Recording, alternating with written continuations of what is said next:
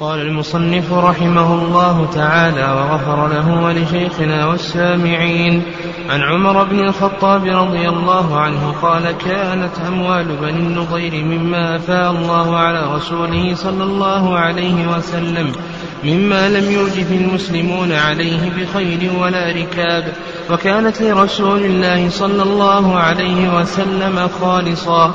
فكان رسول الله صلى الله عليه وسلم يعزل نفقة أهله سنة ثم يجعل ما بقي في الكراع والسلاح عدة في سبيل الله عز وجل.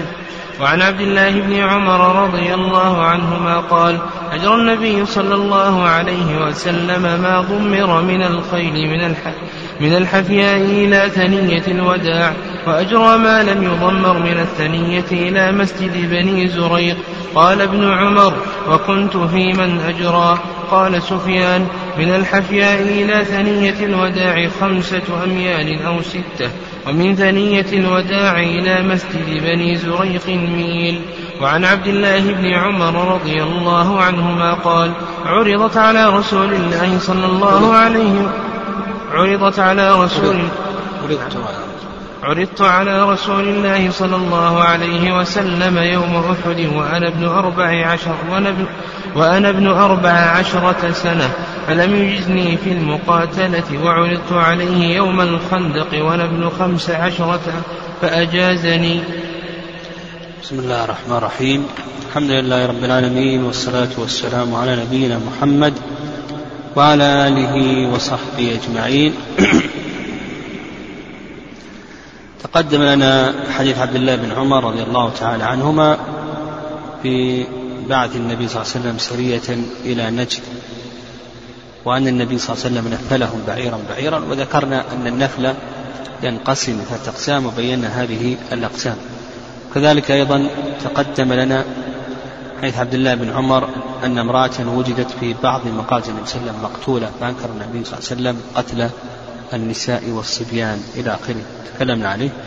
ثم قال المؤلف رحمه الله في درس اليوم عن عمر بن الخطاب رضي الله عنه قال كانت أموال بني النضير مما أفاء الله على رسوله صلى الله عليه وسلم مما لم يوجب عليه مما لم يوجف المسلمون عليه بخيل ولا ركاب. أولا بنو النضير هي إحدى طوائف اليهود. هي إحدى طوائف اليهود التي سكنت قرب المدينة. كانت ساكنة قرب المدينة. وكان اليهود في وقت النبي صلى الله عليه وسلم كانوا ثلاث طوائف. بنو النظير وبنو قريضة وبنو قينقاع هؤلاء بنو النظير عاهدهم النبي صلى الله عليه وسلم وعاقدهم ألا يحاربوه وألا يعينوا عليه أحدا. وفي مدة هذا العهد خرج النبي صلى الله عليه وسلم لكي يستعين بهم على دية قتيل عمرو بن أمية الضمري. نعم لكي يستعين بهم على دية هذا القتيل عمرو بن أمية الضمري. وكان جالسا على جدار فتمالأوا على قتله وأن يلقوا عليه حجرا. فأتى الوحي للنبي صلى الله عليه وسلم من السماء فاستعلن النبي صلى الله عليه وسلم كأنه يريد أن يقضي حاجة وذهب إلى المدينة. فلما تأخر على الصحابة رضي الله تعالى عنهم لحقه الصحابة رضي الله تعالى عنهم. ثم بعد ذلك حاربهم النبي عليه الصلاة والسلام وغنم أمواله. فقال قال عمر كانت أموال بني النضير مما أفاء الله على رسوله مما لم يوجف المسلمون عليه بخيل ولا ركاب. الخيل معروفة والركاب هي الإبل. وقوله لم يوجب الإجاف هو الإسراع في السير. وكانت لرسول الله صلى الله عليه وسلم خالصا فكان الرسول صلى الله عليه وسلم يعزل نفقة أهله سنة ثم يجعل ما بقي في الكراع والسلاح. الكراع هي الخيل والسلاح عدة في سبيل الله عز وجل. هذا الحديث تضمن مسائل. من هذه المسائل من هذه المسائل أن الفيء هو ما أخذه المسلمون من أموال كفار بلا قتال. يعني ما أخذه المسلمون من أموال كفار بلا قتال. هذا الفيء. وحكم هذا الفيء ما هو حكم هذا الفيء؟ حكم هذا الفيء كما دل هذا الحديث على أنه ماذا؟ على أنه يكون في مصالح المسلمين. يكون في مصالح المسلمين بخلاف الغنيمة. الغنيمة هذه كما سيأتينا إن شاء الله أنها تخمس. وأربعة أخماسها يكون الغانمين. نعم أربعة أخماسها كل غانمين كما سيأتينا. أما بالنسبة للفيء فإنه يكون في مصالح المسلمين. ولهذا قال فكان الرسول صلى الله عليه وسلم يزيل نفقة أهل سنة ثم يجعل ما بقي في الكراع والسلع فيكون في مصالح المسلمين في الكراع في السلاح في تعبيد الطرق في حفر الآبار في رزق الأئمة والقضاة والمؤذنين إلى آخره. قال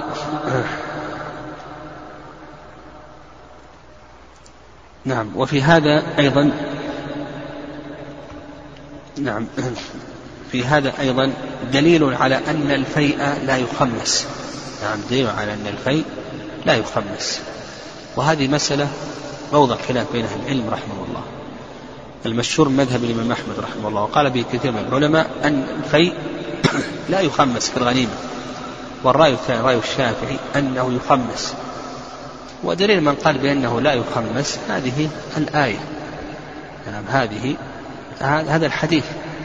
وأما الذين قالوا بأنه يخمس فاستدلوا بقول الله عز وجل ما أفاء الله على رسول من أهل القرى فلله وللرسول ولذي القربى واليتامى والمساكين وابن السبيل كي لا يكون دولة بين الأغنياء منكم وما آتاكم الرسول فخذوه وما نهاكم عنه فانتهوا. لكن يجاب على هذه الآية بأن الله سبحانه وتعالى قال بعد ذلك ماذا قال؟ قال للفقراء للفقراء المهاجرين. الذين أخرجوا من ديارهم وأموالهم يبتغون فضلا من الله ورضوانه وينصرون الله ورسوله. ثم قال والذين تبوأوا الدار والإيمان من قبلهم يحبون من هاجر إليه هؤلاء الأنصار. ثم قال والذين جاءوا من بعدهم يقولون ربنا اغفر لنا ولإخواننا الذين سبقونا بالإيمان. الآية شاملة شملت جميع هؤلاء. الصحيح أنه لا يخمس أن الفيء. أنه لا يخمس وكما ذكر الفقهاء رحمهم الله أنه يكون في مصالح المسلمين. وفي هذا أنه لا بأس للإمام أن يأخذ من بيت المال ما يكفيه ويكفي أهله يعني ما يكفيه ويكفي أهله كما في هذا الحديث النبي صلى الله عليه وسلم يعزل نفقة سنة إلى آخره. وكما ورد أن أبا بكر رضي الله تعالى عنه لما تولى خرج إلى السوق فضرب له في بيت المال. وكذلك أيضا عمر رضي الله تعالى عنه. إلى المهم أنه يأخذ ما يكفيه ويكفي أهله. وفي هذا أيضا أنه يجوز ادخار القوت وأنه لا بأس. يعني وأن هذا لا ينافي التوكل على الله عز وجل. وأنه ليس محذورا. يعني يعني الادخار الادخار ينقسم إلى قسمين. ادخار محرم ولا يجوز وهو الذي يقصد منه الإضرار بالناس كرفع الأسعار ونحو ذلك.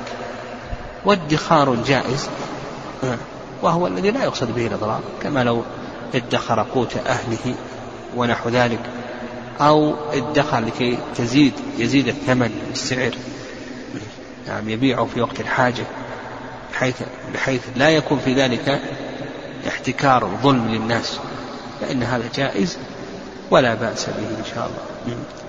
قال المؤلف رحمه الله تعالى وفيه مصرف الفيء وأن مصرف الفيء يكون في مصالح المسلمين.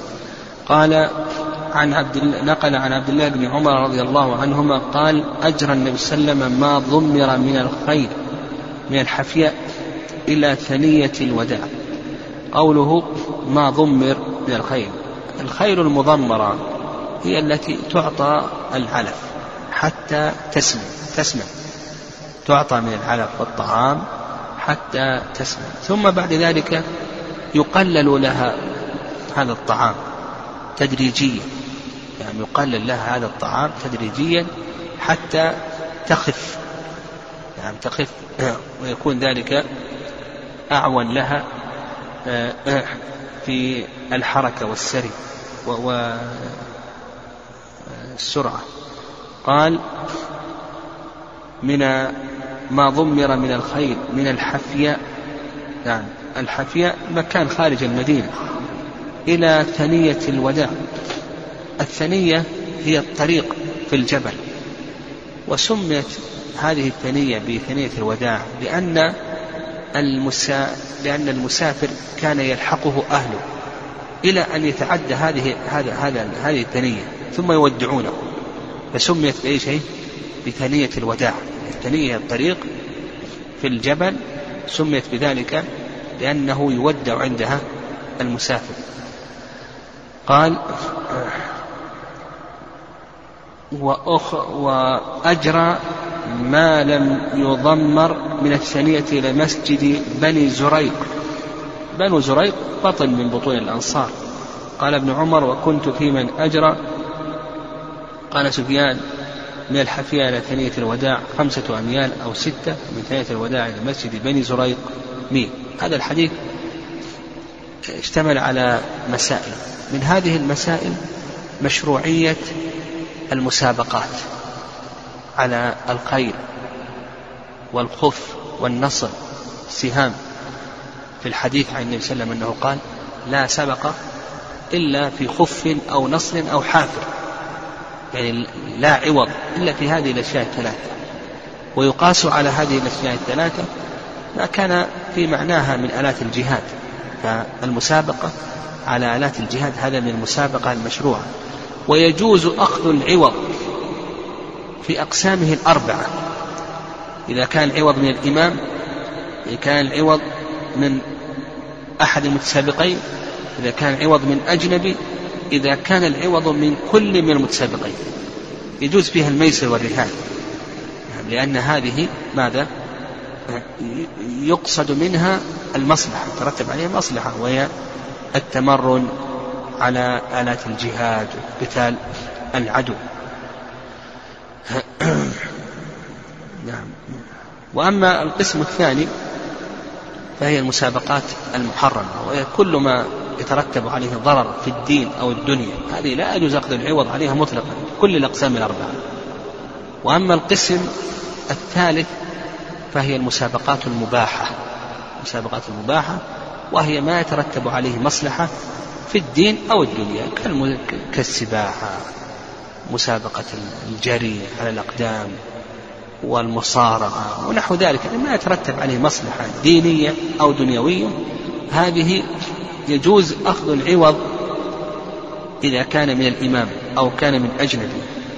أما إن كان من كل منهما فهذا محرم لأنه ميسر وإن كان من أحدهما فهذا موضع خلاف والأحوط تركه قال المؤلف وفي هذا أيضا يعني أيضا في هذا الحديث قوله إلى مسجد بني زريق. أنه لا بأس أن يسمى المسجد باسم شخص من الأشخاص. يقول مسجد فلان أن هذا جائز ولا بأس به إن شاء الله.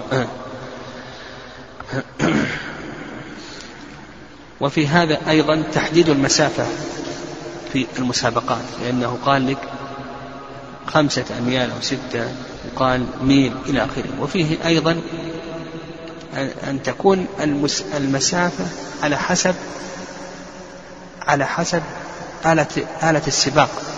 ولهذا التي ضمرت خمسة أميال أو ستة والتي لم تضمر ميل واحد. يعني. فالمسافة تكون حسب الآلة. يعني حسب مثل أيضا الرمي لو تسابقوا على الرمي. لا بد أن تكون الآلة تبلغ الإصابة. ولا أصبح من الميسر. نعم أصبح من الميسر. نعم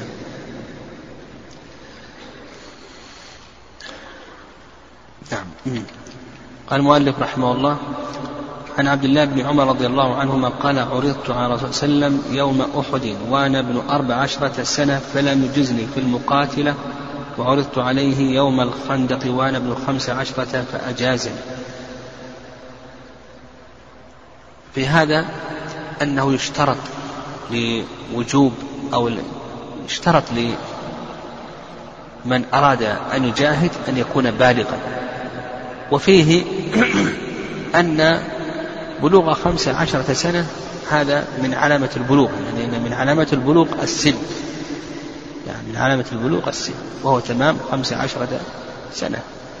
وفي هذا أيضا تفقد الإمام للمقاتلين تفقد الإمام للمقاتلين لأنه سلم عرضهم والعرض هذا يدل على أنه تفقد. فأخرج من لا يصلح القتال. وأبقى من يصلح للقتال. وفي هذا أيضا قوة إيمان الصحابة رضي الله تعالى عنهم وشجاعتهم. انظر إلى صبيانهم. ابن عمر رضي الله تعالى عنه جاء يقاتل وهو ابن أربع عشرة سنة. نعم جاء يقاتل. بهذا يدلك على قوة إيمان الصحابة ورغبتهم في الخير محبتهم لنصر الدين. نعم. قال وعنه يعني ابن عمر رضي الله عنهما أن الرسول صلى الله عليه وسلم قسم في النفل للفرس سهمين وللرجل سهما نعم المقصود بالنفل هنا الغنيمة. نعم المقصود بالنفل هنا الغنيمة. والغنيمة إذا أراد الإمام أن يقسمها فإنه يقسمها خمسة أقسام أولا كما قال الله عز وجل واعلموا أن ما غنمتم من شيء فأن لله خمسه وللرسول ولذي القربى واليتامى والمساكين وابن السبيل. فتقسم الغنيمة خمسة أقسام. القسم الأول نقسمه خمسة أقسام كما جاء في الآية. واعلموا أن, واعلموا أن ما غنمتم شيئا فأن لله خمس أو للرسول ذي القربى واليتامى إلى آخره. القسم الأول الخمس الأول نقسمه خمسة أقسام. خمس لله ولرسوله خمس اليتامى المساكين ابن السبيل كما جاء في في الآية. تبقى أربعة الأخماس. أربعة الأخماس هذه نقسمها على الغانمين. للفارس ثلاثة أسهم سهم له وسهمان لفرسه. وللراجل الذي يقاتل على رجله هذا له سهم واحد. أم له سهم واحد؟ نعم وسيأتي إن شاء الله.